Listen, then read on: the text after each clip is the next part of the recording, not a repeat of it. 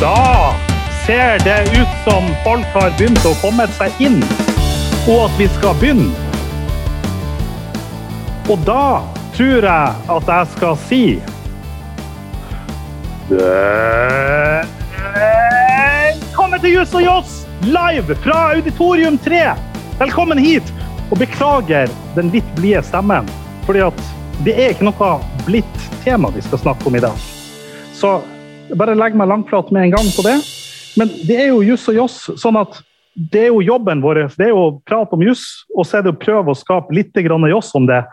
Selv om at jeg kjenner at akkurat den delen blir litt vanskelig i dag. Det blir eh, veldig vanskelig, men eh, vi skal ha et eh, opplegg hvor vi eh, skal først ta og eh, snakke med han eh, Magne Frostad, som er ekspert på krigens folkerett.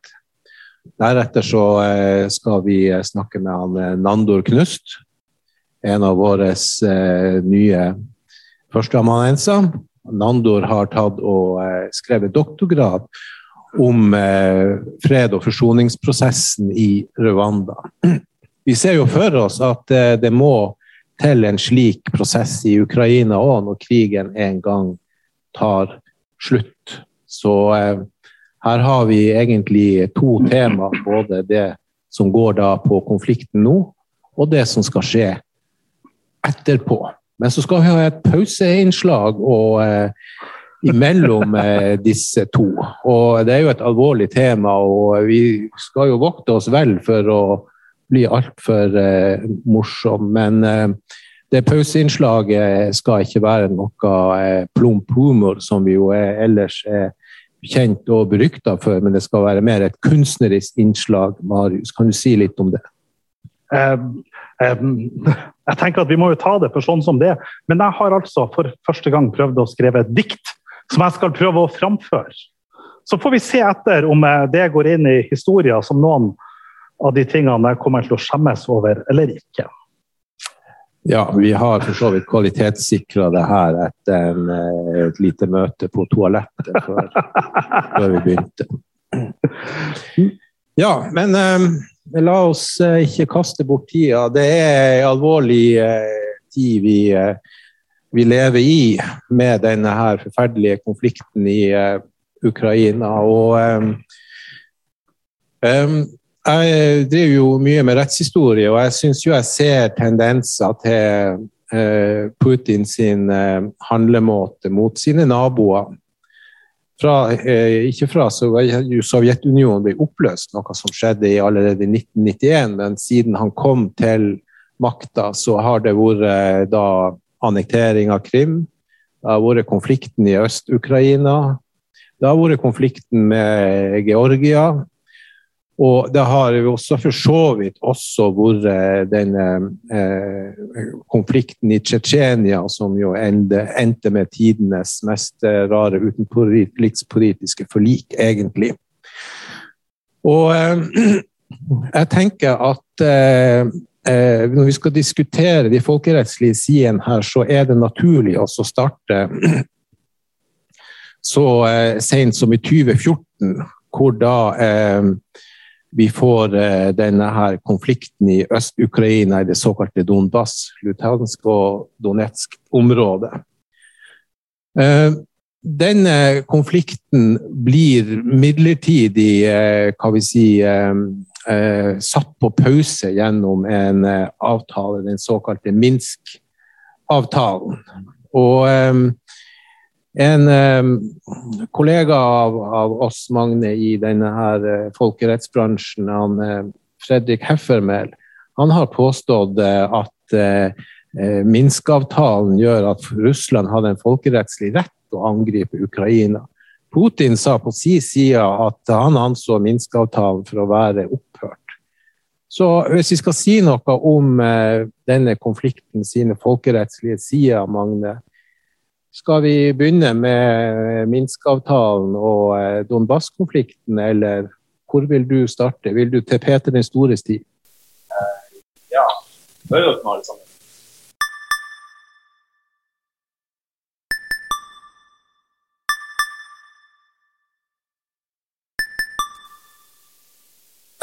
Hvordan er det her da i 22.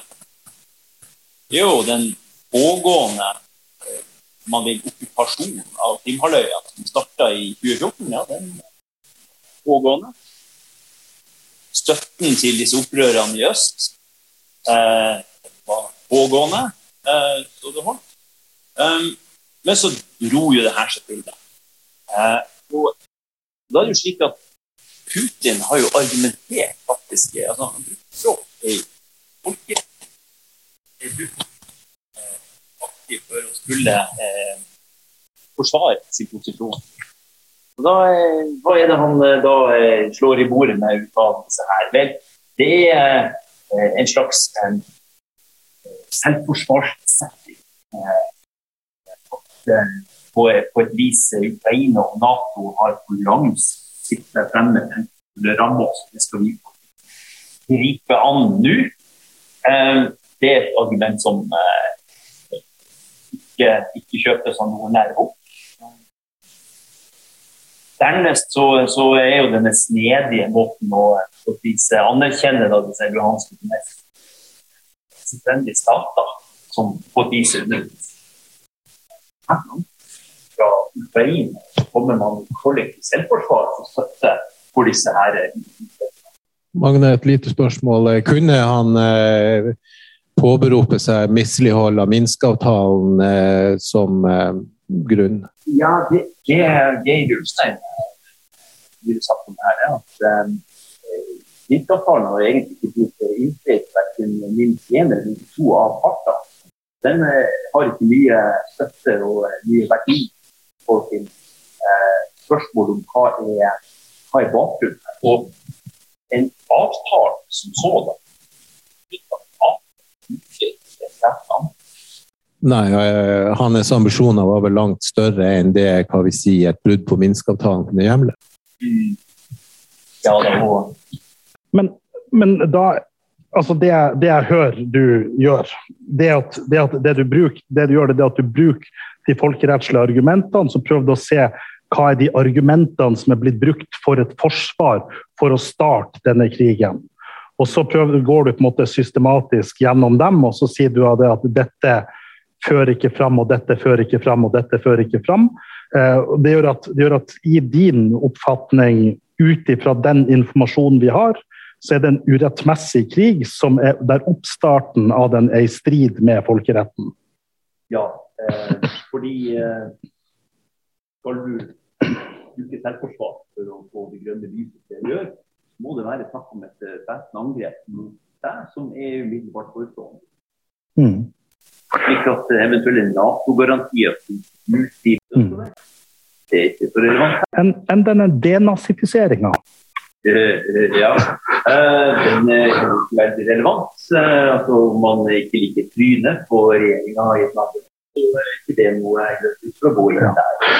Men, men, men for, der, for, det er jo der, det er akkurat der Du dro opp dette med, med Kosovo i 1999. For det som da skjer i Kosovo i 1999, det at, det at i dette eks-Jugoslavia så har du da Serbia Serbia setter i gang et folkemord eh, på deler av sin befolkning og gjennomfører en systematisk etnisk rensing.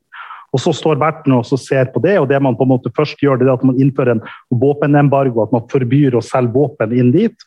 Og da er på en måte Konsekvensen ut av det er at de som da har våpnene, de bruker da våpnene til å gjennomføre den etniske rensinga. Og så ser vi i Vesten på at shit, vi kan ikke stå og se på det her. Og så setter Nato i gang ei bombing her. Men da var det i tråd med folkeretten. Da antyda du at det ikke var det.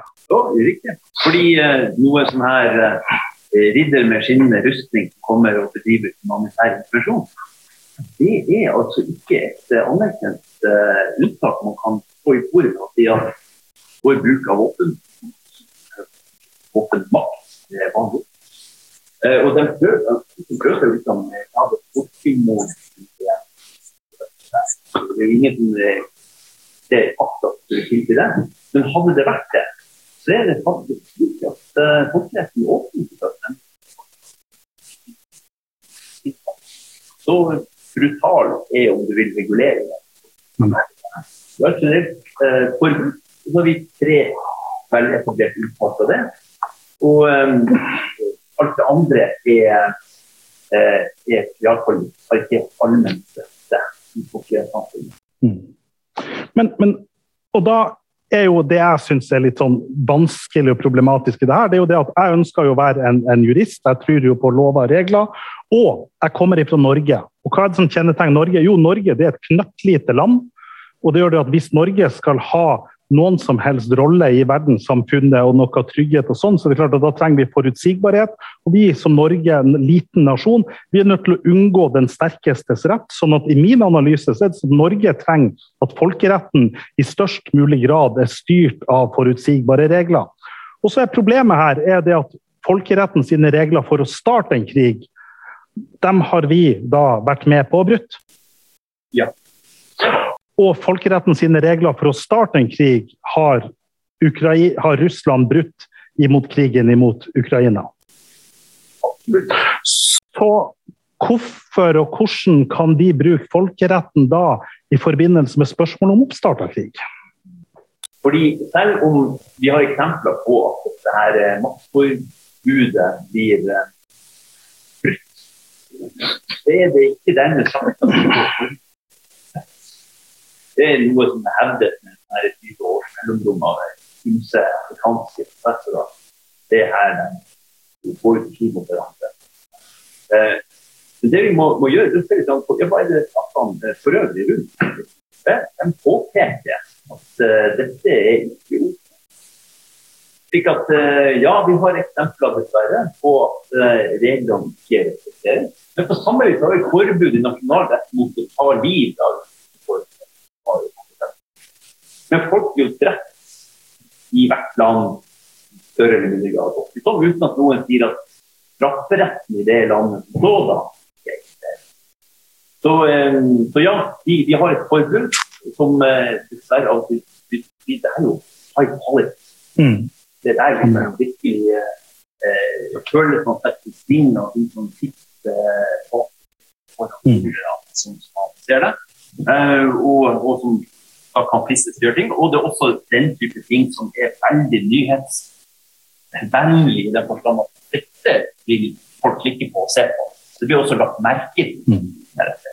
Uh, men det er altså unntaksvis at uh, statene gjør bruk av makt uten at de har ett av de tre vel aksepterte unntakene. Jeg, jeg tenker at Det er tre ting som jeg vil prate med deg om. Det ene er det vi har prata om nå. At det startes opp en krig. Er det et brudd med folkeretten? Den andre tingen jeg vil snakke med deg om, det er hva er det som er lov til å gjøre mens man har en krig? Mens krigshandlingene pågår. Hvilke, hvilke begrensninger er det som finnes der? Og så vil jeg også snakke med deg om ok, hva er konsekvensene? Altså, for at ja, Vi kan snakke om disse reglene, okay? men, men, dersom vi da konkluderer med at, at, reglene er brutt både for oppstarten av krigen og for de handlingene som skjer under krigen, så er spørsmålet Og så? Hvilken etterlevingsmekanisme finnes? Jeg tror vel at vi har vært eh, innom det første temaet mm. om eh, oppstarten av krigen. og eh, og, og det andre syns jeg jo er interessant, og det er jo særlig interessant for eh, de som er her fra førsteavdeling, om å ha folkerett. Mm.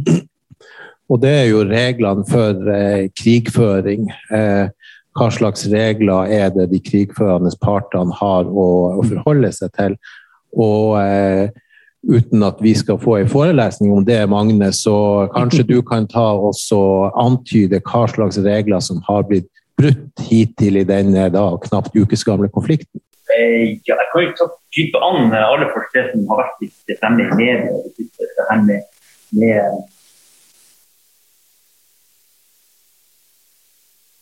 eh, panserbrytende vi gjør med disse M72. Eh, og, og, der er det for så vidt som Elletveit har påpekt, at man har eh, et etablert forbud fra 1900-tallet på at eh, vel, eh, vi skal komme nøytralt og avstå fra å eh, gjøre noe annet enn det, så, eh, så er det nøytral. Men da er spørsmålet hva betyr det? Betyr det at Norge liksom er part i denne konflikten? Og der er vel svaret at nei, det betyr ikke. Det vil bety at uh, Russland eventuelt kan respondere med såkalte mottiltak. Men uh, der er det ikke mottiltakene i seg sjøl. Eh, åpner det ikke for bruk av makt. Um, kan man tenke at her er det rart. Her har de fått gjort gærent, og så responderer vi på det. og kunne faktisk mye mer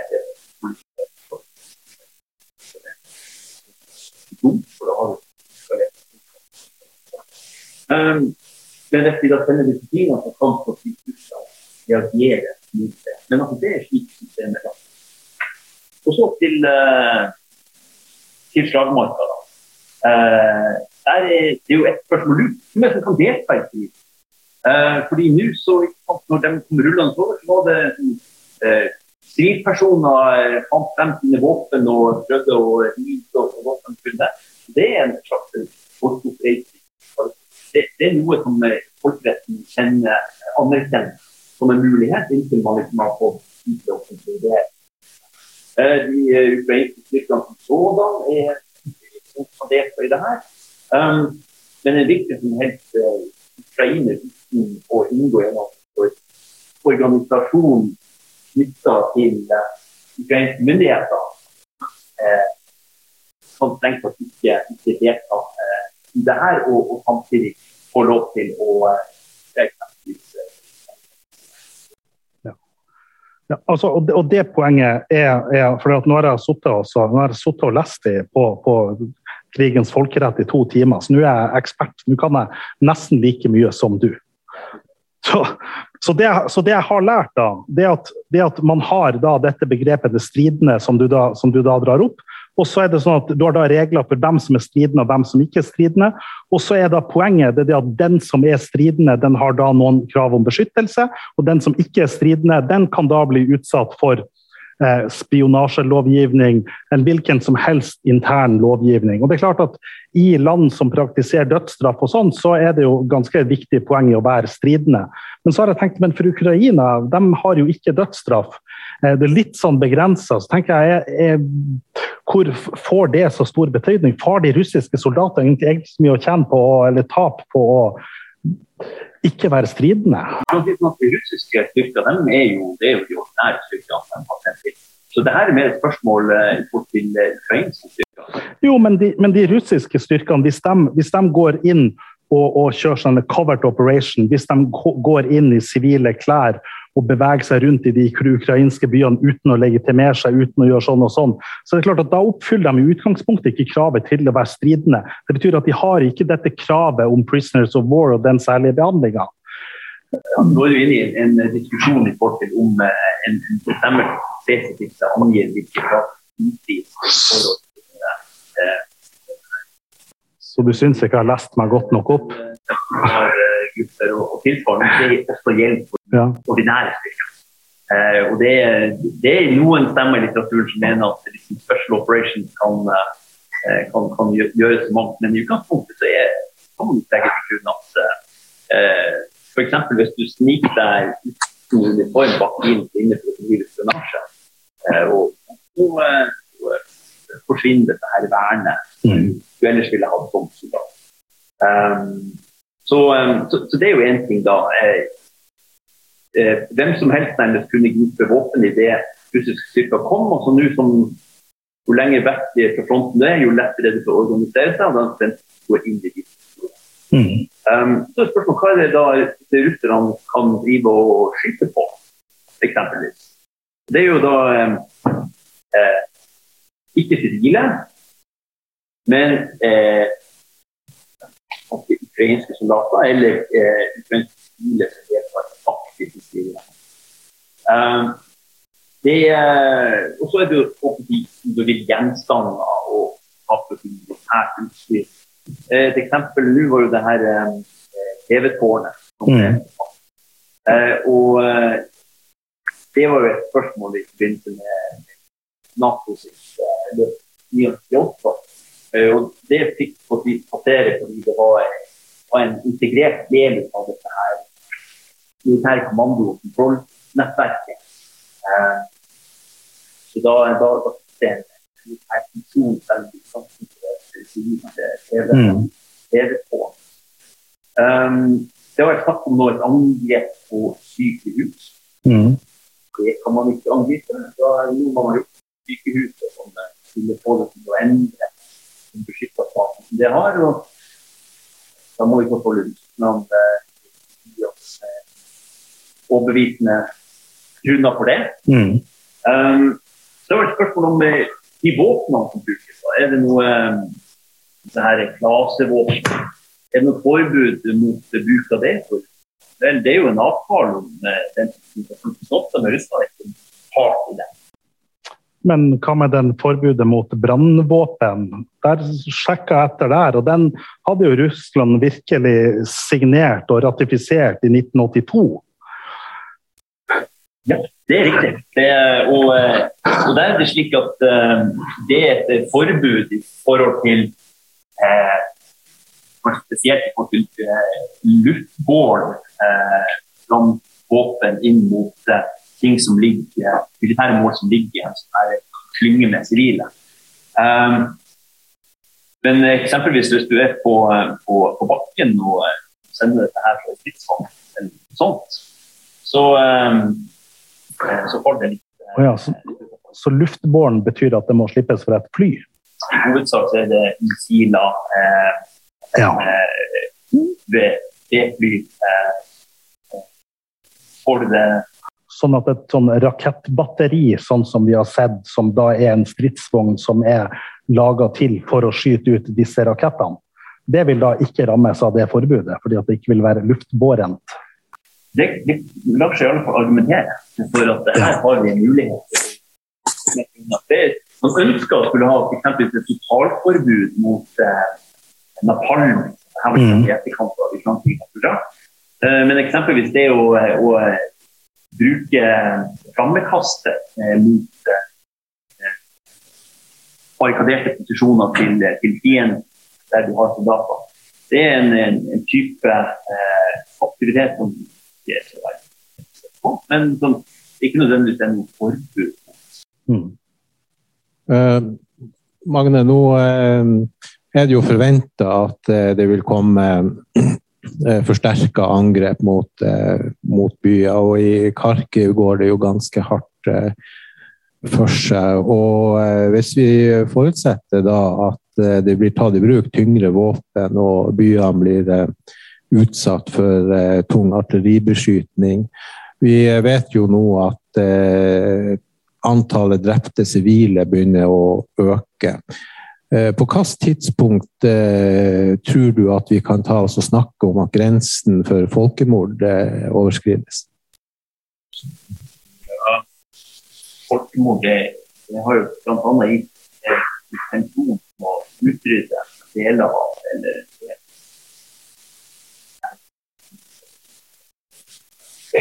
Og eh, jeg tror nok det skal, skal en del til for at de for at vi, vi kan Men derimot krigsforbrytelser, det er noe som eh, jeg ikke vil kunne være med på i kartleggelse, ikke sant? Eh, Men Mm. der ser jeg for meg det etterslep. Hvis man har fortalt tak i I eh, Kiev så er jo store deler av befolkninga fremdeles til stede. Og eh, fortsatt eh, krigføring som vil eh, gjøre kanskje at byen delvis legges i grus. Og at som vi ser tendenser til at viktig infrastruktur som strøm, vann, kommunikasjon kuttes, noe som gjør at du vil få eh, sivile offer som ikke er offer for direkte krigshandlinger. Eh, vil ikke det altså bli eh, krigsforbrytelser i ganske stort format? ja, at det er en aksept for at eh, det kan være et sivil følgeslag det at man går etter et militært mål. militært mål. Eh, det som er utfordringa her, det er at dette er jo naturligvis ikke noe matematikk. For det er jo noe å sammenligne og. Eh, I, tillegg er det en del funksjoner som det som såkalt fuel use, som både er til nytte for sivile og benyttet av, eh, i styrker. Eh, og når eh, har den type funksjon, så kan det altså eh, angripe.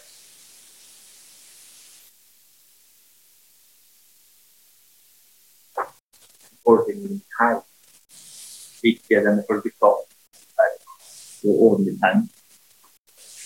Dette er en 70 år vi, vi, vi, skulle holde det her på fra klokka fire til klokka var fem. Så begynte vi ca. ti Vi begynte kvart over fire. Ja. Så det betyr at vi har nå holdt på i, i um, um, Det betyr at vi har sju minutter til scenebytte. Ja, men jeg tenker kanskje at uh, et spørsmål vi ikke har vært inne på, mm. det er jo slutten. Mm. En mulig sluttscenario for denne ja. her uh, krigen. På hvilken måte utropes en vinner og en taper, og kan det overhodet snakkes i sånne termer, Magne? Uh, ja.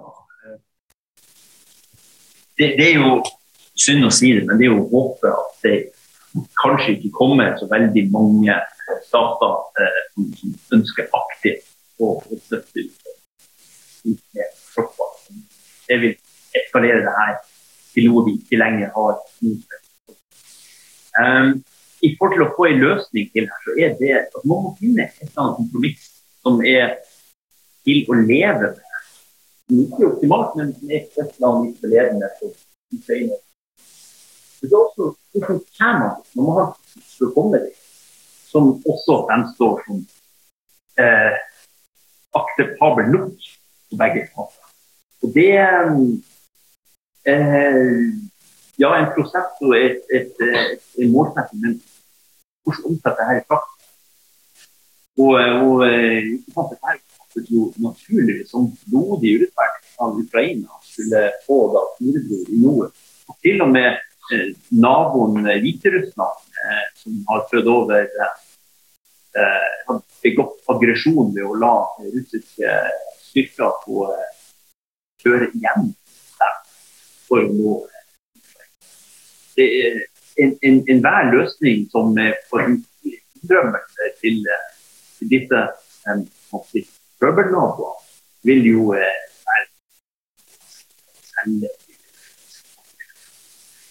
um, så um, så ja, vi, vi må få en løsning. Og det vil godt for å finne gangbar middel for, for begge. Forhåpentligvis kommer det til å eskalere mer.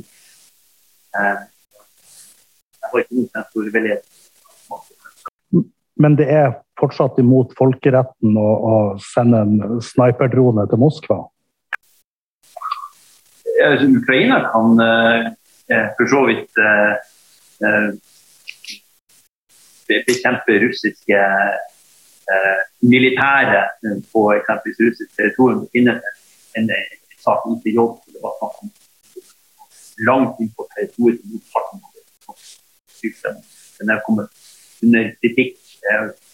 Um, men ja, jeg, jeg, tror kanskje vi skal prøve å uh, håpe at det er en uh, løsning som ikke nødvendigvis medfører si, det tvungent regimeskiftet i USA.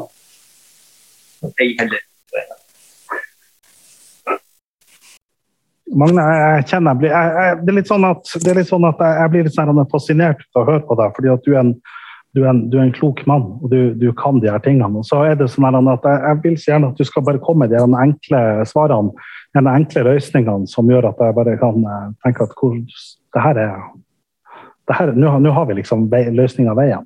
Men, men den ICC, International Court of Criminals. Eh, tenker du at, at, det kan få noe betydning her, eller? Ja, nå har eh, Ukraina ikke medlem av eh, National Report eh, ICC. Jeg trodde de hadde Men de tok i 2014 og sa at du, vi vil ad hoc at dere ser på det som har skjedd her. Og så er det en sånn prosess i forhold til hvordan disse her ad hoc-folkene kan eh, sette i gang saker og ting. Og det forsto sånn at et av de prosessuelle bitene her en av de prosessuelle bitene var blitt eh, fiksa ved at en av de baltiske statene har anmoda eh, påtalemyndigheten i CC til å skulle etterforske nærmere egentlig eh, fra 2014 og frem til i dag eh, eh, straffeforbud som er begått på territoriet der. Og Det vil i hovedsak være eh, krigsforbrytelser, eh, brudd mot menneskeheten og eh, potensielt folkemord. Fordi eh, den aggresjonsforbrytelsen den, den, er kommet inn i systemet ganske seint med masse muligheter for, for vi som skulle eh. Så, så, så, den blir nok ikke titta på. Men de, i forhold til de tre øvrige forbrytelseskategoriene så vil jeg nok anta at etterforskeren vil ha mye interessant arbeid foran seg. Men ikke sant, hvis du får tak i de du ønsker å Det er jo stort sett folk som er litt oppe i systemet. Det er dem du ønsker å ha, ikke den enkelte soldat som er for å ja. men, men, men, dersom det sporet følges, så vil da resultatet være at, at da vil det, på en måte starte, altså det vil kunne startes en prosess av Den internasjonale straffedomstolen, og den vil kunne startes mot enkeltpersoner høyt oppe som er ansvarlig. Eh, og så vil det være praktisk vanskelig å få tak i dem, men det vil jo bety at du vil ha et, i realiteten et reiseforbud for en del av dem osv. I, i, til en del stater. Ja. Det, Russland er jo ikke part her, men sier at ting skjer på territoriet til en, en adhoc-medlem som har sendt oppgaven til uh, uh, så, uh, så, blir deres tropper av interesse. Mm. Samtidig som USA er heller ikke part i ICC-statuttene. Hvis deres tropper begår krigsforbrytelser på territoriet til en stat som er medlem, så, så, er det plutselig noe som uh, ICC kan bry seg om til Washingtons store ergrelse. De kan naturligvis for uh, mm. uh, Jeg husker bare jeg så en episode av Jack på den serien. Der. Av en eller annen grunn så, så jeg en spesifikk episode hvor hovedpersonen da Eh, fikk eh, OK fra sine foresatte for å dra til Haag og skulle forsvare en amerikansk eh, kar for det. Det var ikke veldig sannsynlig, men det hadde jo en svak Da er tida kommet for et sceneskifte. Magne Frosta, tusen takk.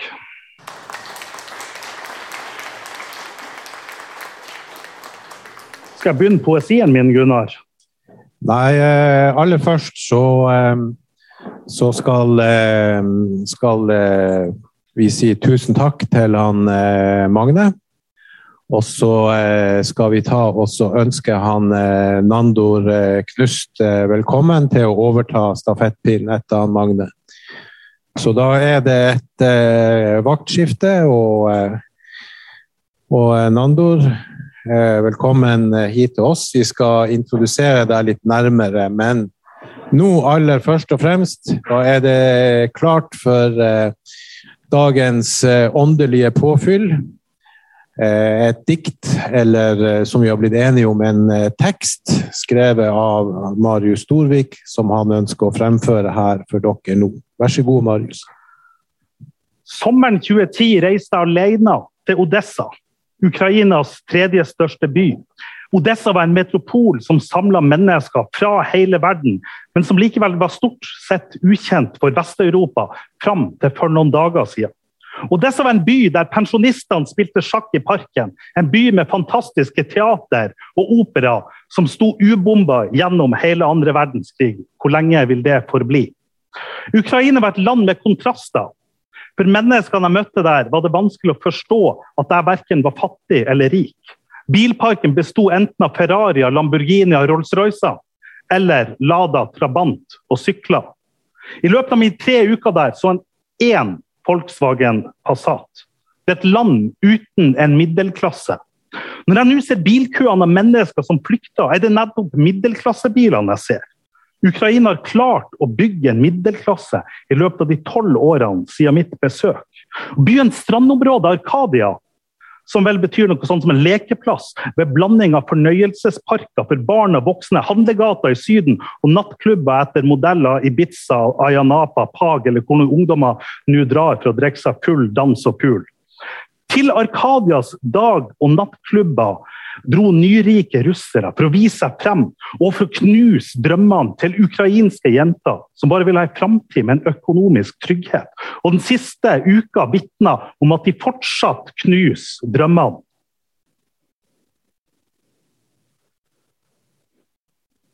Jeg ble invitert på en fest i Odessa, sitt beste villastrøk. Og villaen jeg kom til, må ha vært nabolaget sin skam. Huset hadde en stor, ustelt hage, det var et bilvrak i oppkjørsel, og huset hadde knapt et fungerende kjøkken eller bad, selv om jeg har fortrengt badet. Og selv om jeg gjerne fortrenger huset, har menneskemøtene satt varige spor. Når tida var kommet, langt utpå natta, for å la vertskapet være i fred, noe også Putin burde lære, gikk jeg ned til stranda sammen med gjestene. Navnene og ansiktene til gjengen som avslutta vinflaskene sammen i mørket med meg, har blitt viska ut. Men jeg husker likevel Marcel, som hadde haika fra Frankrike til Ukraina. Jeg husker Veronica, som var fra Odessa, og som hadde prøvd lykken i Italia. Og for å hjemme for å vurdere hva hun skulle gjøre videre. Jeg husker Claire, som hadde dratt fra USA og var au pair i Odessa. Årene har ikke viska ut opplevelsen. Vi var mennesker fra ulike land som møttes i fred. Vi fant et fellesskap som ikke kjente grenser. Og denne gjengen vi endte opp med å bade naken sammen midt på natta i Svartehavet. Og uten at det var vår intensjon, ser jeg på det i dag som en symbolhandling. Forskjellige mennesker fra forskjellige land kledde seg naken for hverandre. Vi tok av maskene, vi våga å være ærlige, vi viste oss fram som bare mennesker. Vi la ut i et ukjent farvann uten andre formål enn å bare erfare livet. Og ute i det svarte havet så så vi inn til stranda som vi hadde forlatt.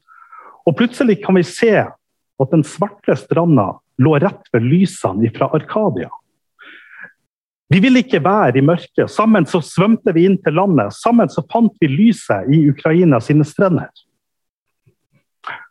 Og sammen så dansa vi inn i et skumparty på Arkadias nattklubber. Min ukrainske reise.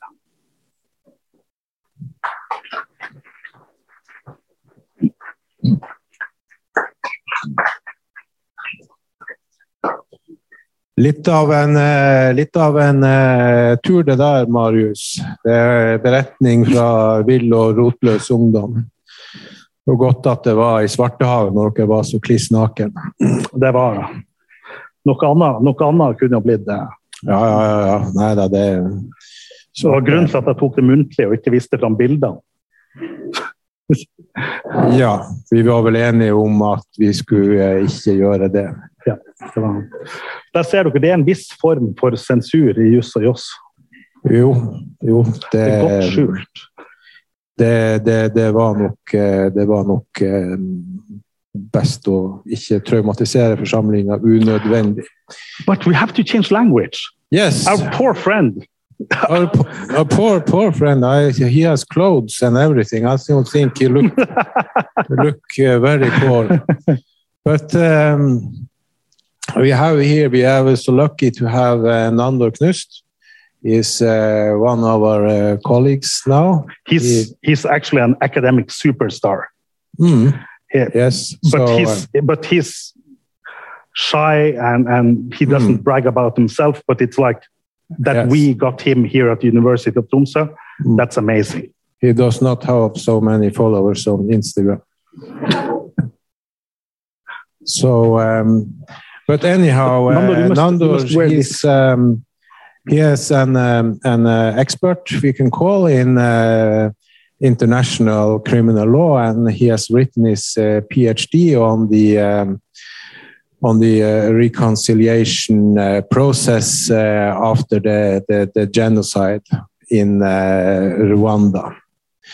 It's um, it's a very um, difficult case, and Nando himself he has lived for three years in uh, Rwanda, and uh, he has a very um intricate uh, knowledge to these uh, processes. Uh, So, Marius, what's uh, the first question and the Well- outlay of the questions? Well, the thing is, the thing is that in in Rwanda, what happened there, uh, and and now you will of course correct me because you know the story much better than me. But but there's there, there were two people living together in Rwanda, and one of them decided that we will kill the other people, that we will commit a genocide if we just get rid of the other people. Life is much better. So then they did a plan of that, and then they started this genocide. And then over a few days, uh, hmm? Uh, during 100 days, how many people were killed? Almost 1 million people were killed in Rwanda. And then, and then at some, some point, the killing stopped. And then the question is how, how can two people that live together on the same territory continue to coexist? And that's what Nandor studied. And the reason why I asked him to come here is what's happening now in Russia and Ukraine is that there are two people that lived together over, over thousands of years, hundreds of years, that coexist. And suddenly the, bre- the brothers, there's a war, they kill each other. And at some point, the killing must stop. At some point, it will come a change. And what will happen then? And and and yeah, what will happen then, Nander? Um, Can you can you just give on? us the the Does it work? Yeah. yes yes Um, thank you very much for the introduction. I'm sorry that I'm not speaking Norwegian, beklage, but it's uh, still a work progress. And my daughter is sitting up there. She's always translating for me. She learned it within three months, um, and I'm still struggling. So, um, yeah, um, the, the question is, and this all can be summarized uh, under the, the notion of um, a discipline which is called transitional justice. Transitional justice is something which is an overall uh, umbrella, which is including a lot of different disciplines. On the one hand side, we already talked about the International Criminal Court. International criminal law is one possibility to react to create individual criminal responsibility directly under public international law. This is the case when you might discuss if Putin, for example, can be prosecuted in The Hague for the crimes he committed. could could we just start to call him Putler instead of Putin? Could we just agree on that, or or or, or would that be something that we shouldn't do in?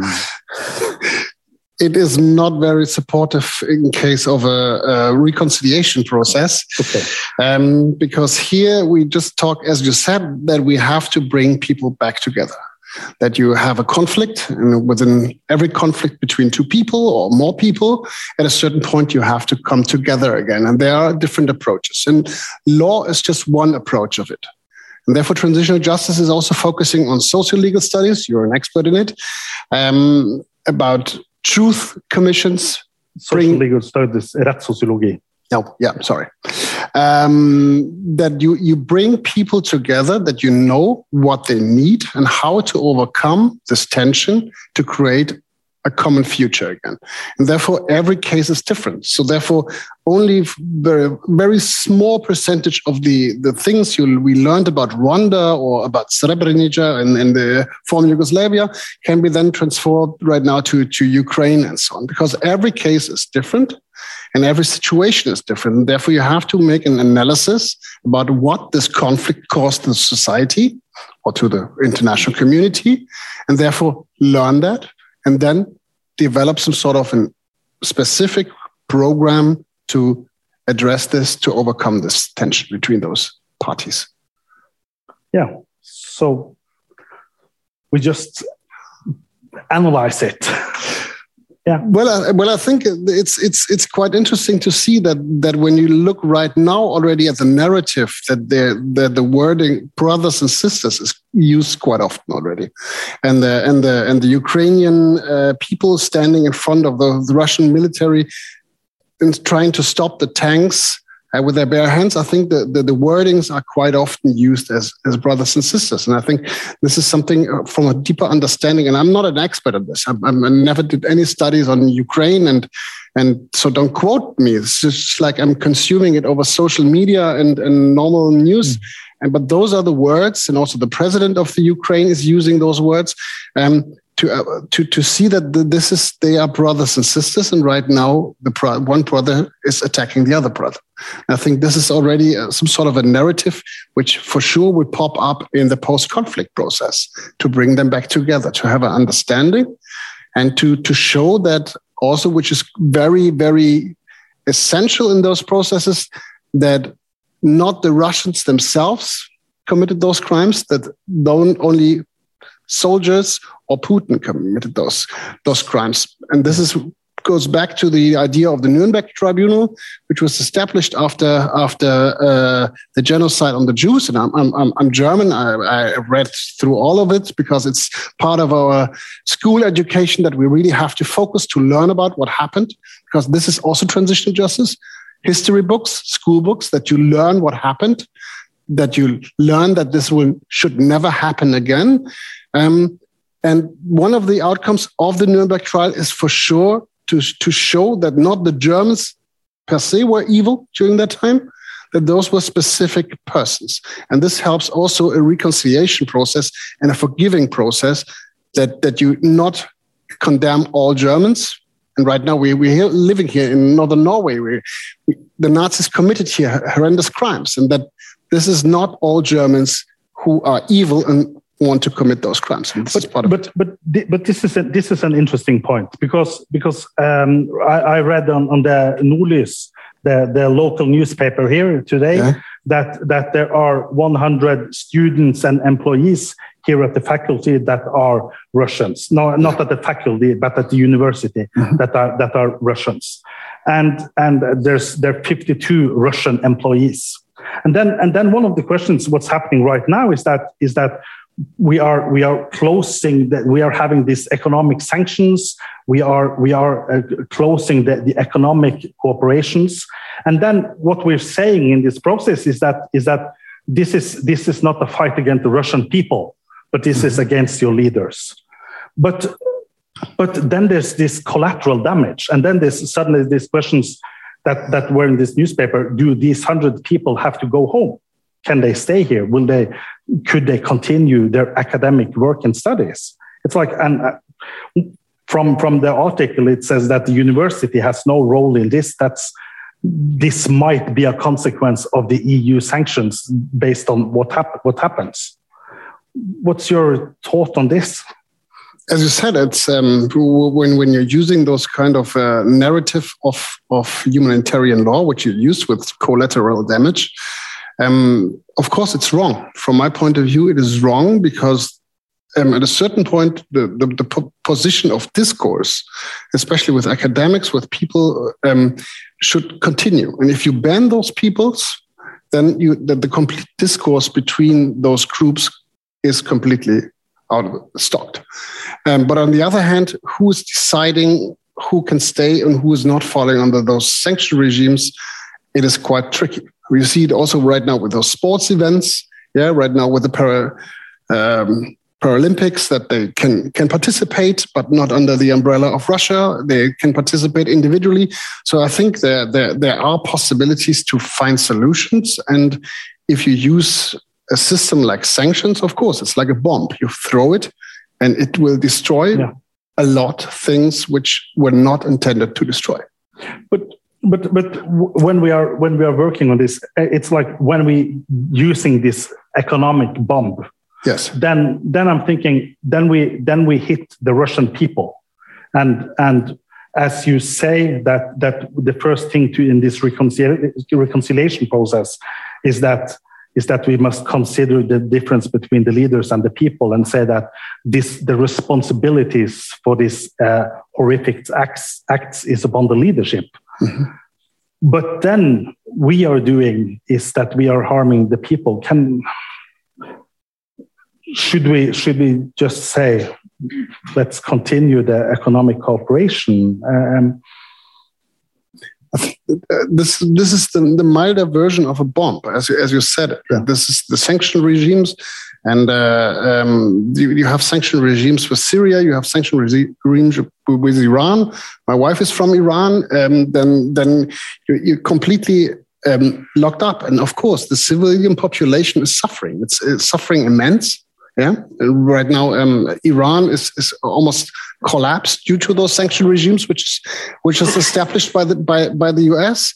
Um, but it's the milder version to an armed conflict, and this is this this is the the the question to it. And what else could be could be done? The the the, the the freezing of the assets and right now of the things of, of Putin, for example, this is a target sanction, which is quite effective, I'm sure.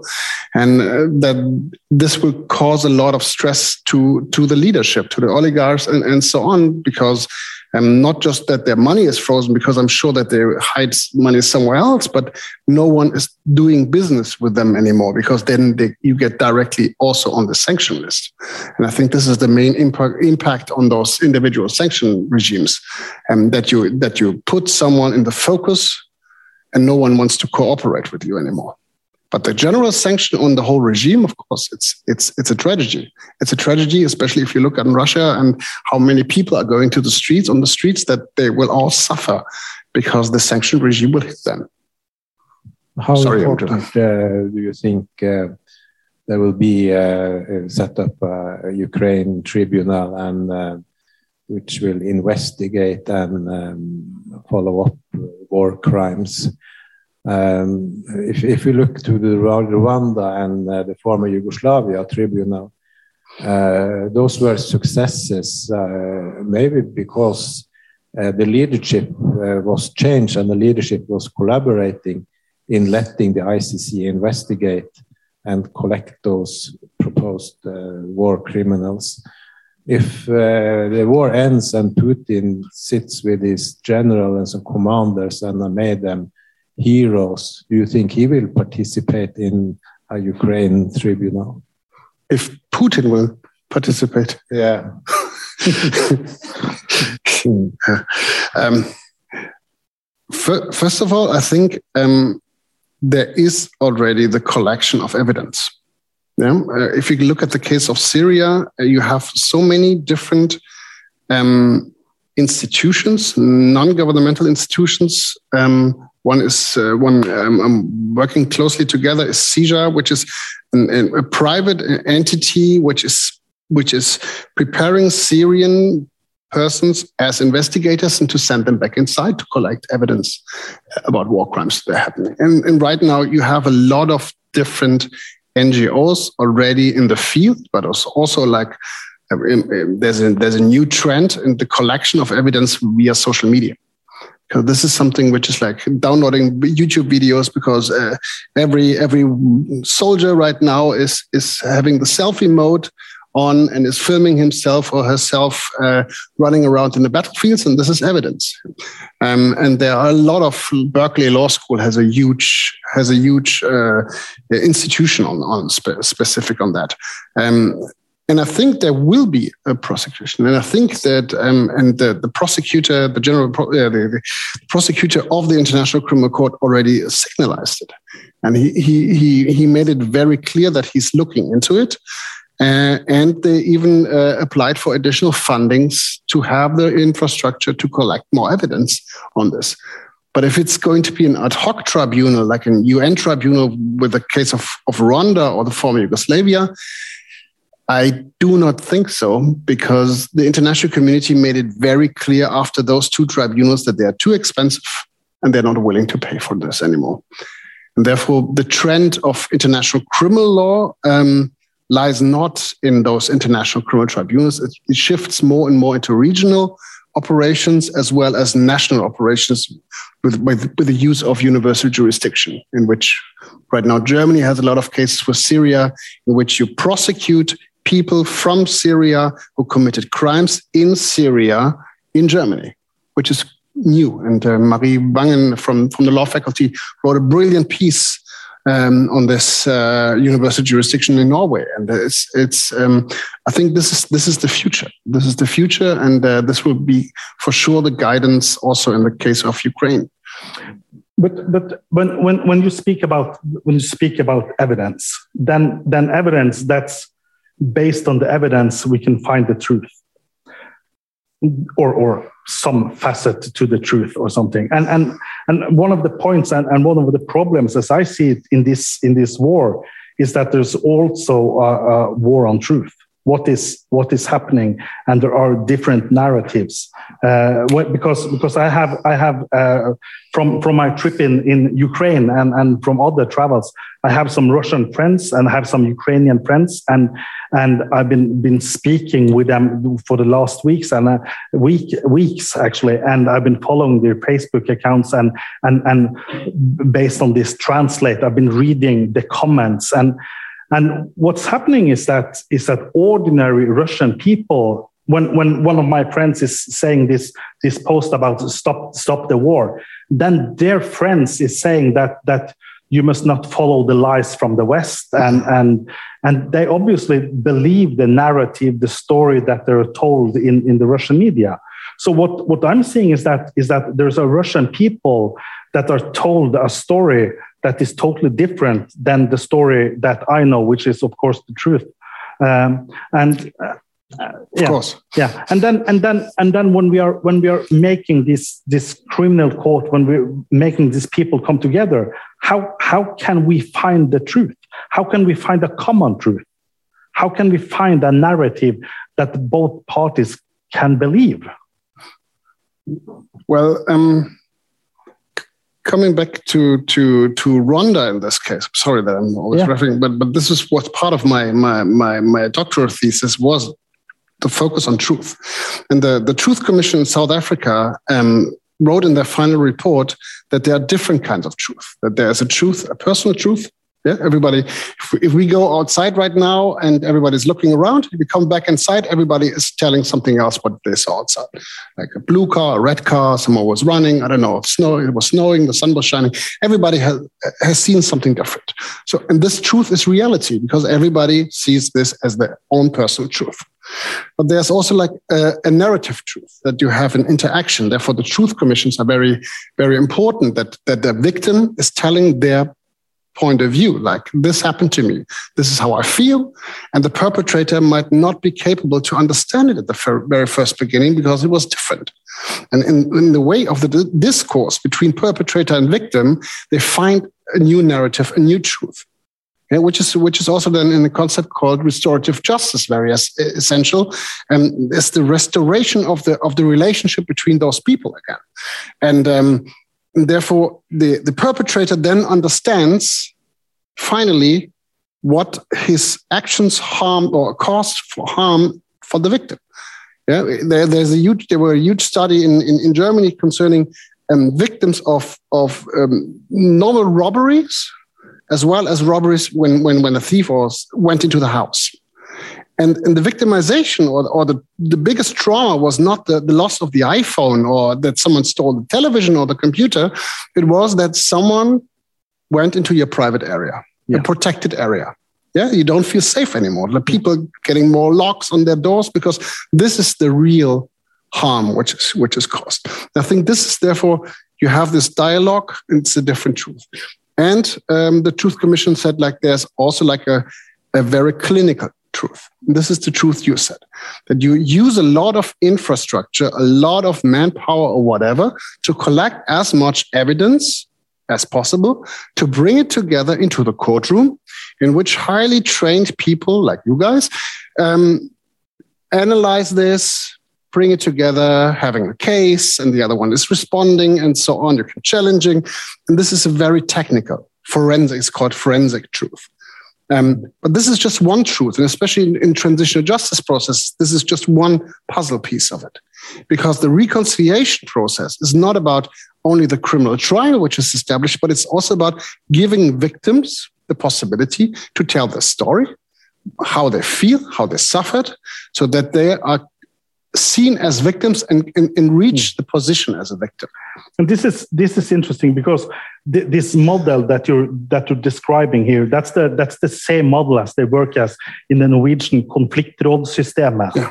whi- Which is which is based on this, and this and this is the, the, the, at least the, the theory here is based on the on the Norwegian sociologist Nils Christie Yeah. and, and and the limitations of pain and, and It was his his article who who pitched this. It was his article from 79, uh, British Journal of Criminology, Conflict as Property. Read this article. It's beautiful. Yeah, it's it's about the. Sorry that I, I interrupted you, but it's it's the idea that Niels Christie said like. When, when, when, when you look at a criminal trial, that you have the prosecutor and, and the perpetrator, and the victim is no victim anymore. It's maybe it's a witness, but the conflict is part of the victim. And the system, as we know it from criminal law, is stealing this conflict. And Niels Christie is argumenting that it's like, no, the, the, the victim should own this conflict and solve this conflict. And this was um, some sort of the birth of, of this movement, which is called restorative justice. I just Yeah. sorry that I yeah. interrupted and you. and when, what, but what's what I find is really interesting is that is that what what what you're describing here is when you have people that has has committed genocide, the method that they use is the same method as I used when I was a conflict mediator for the Norwegian Conflict Road, when there was a, a, a punk at 14 that has went into this local gro- grocery store and, and stolen a bottle of uh, Coca-Cola. And then, then what happens is that we bring these people together, and this and this owner of the store tells this kid that no, it's it's not about the bottle of Coca-Cola. It's about you make us unsafe, and and we have to put in extra security. We have to put in cameras. We have to do all this stuff. And then this kid is suddenly, oh fuck, it's not about my bottle of cola. It's it's about the big. But what's interesting is that is that the methods is the same. Mhm. The method it's the same.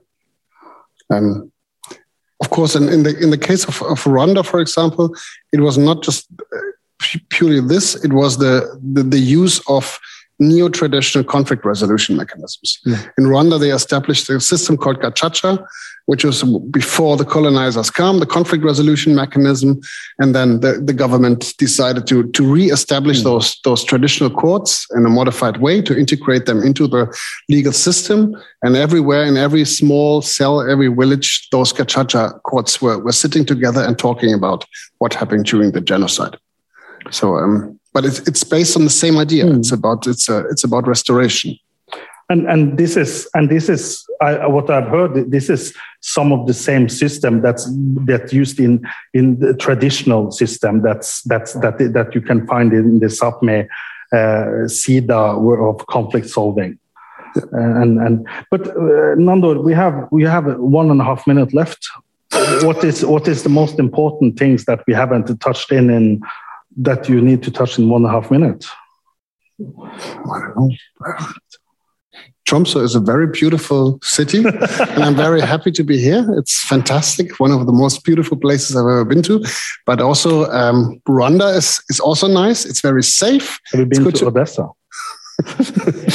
Uh, and if you're more interested, uh, there is a course I'm, I'm giving here the, uh, at the university, which is called International Criminal Law and Transitional Justice, where we, we touch those topics. So if you're interested, uh, please feel free. I would love to see you all there um, to discuss those things. So that's that's Yes, all. Thank you and, for the uh, invitation. Yes, and of course, this course will will help the students to an international career, don't you think? Absolutely, Absolutely. absolutely. Consider uh, consider that. I'm uh, glad we uh, avoided. Uh, it seems like bathing naked and so on. um, but uh, Marius, It's in the eating of the pudding. yes, uh, is that our final uh, words, Marius? Or Thank you for coming here. And um, when you go home tonight, open the, the YouTube, search up Modi, and uh, find this song that's called Prayer for uh, something. I think it's a proper, appropriate song to listen to in these days. Even though, no, it's not very reconciling, but it puts the right words to it. Modi, the one with the church. Thank you.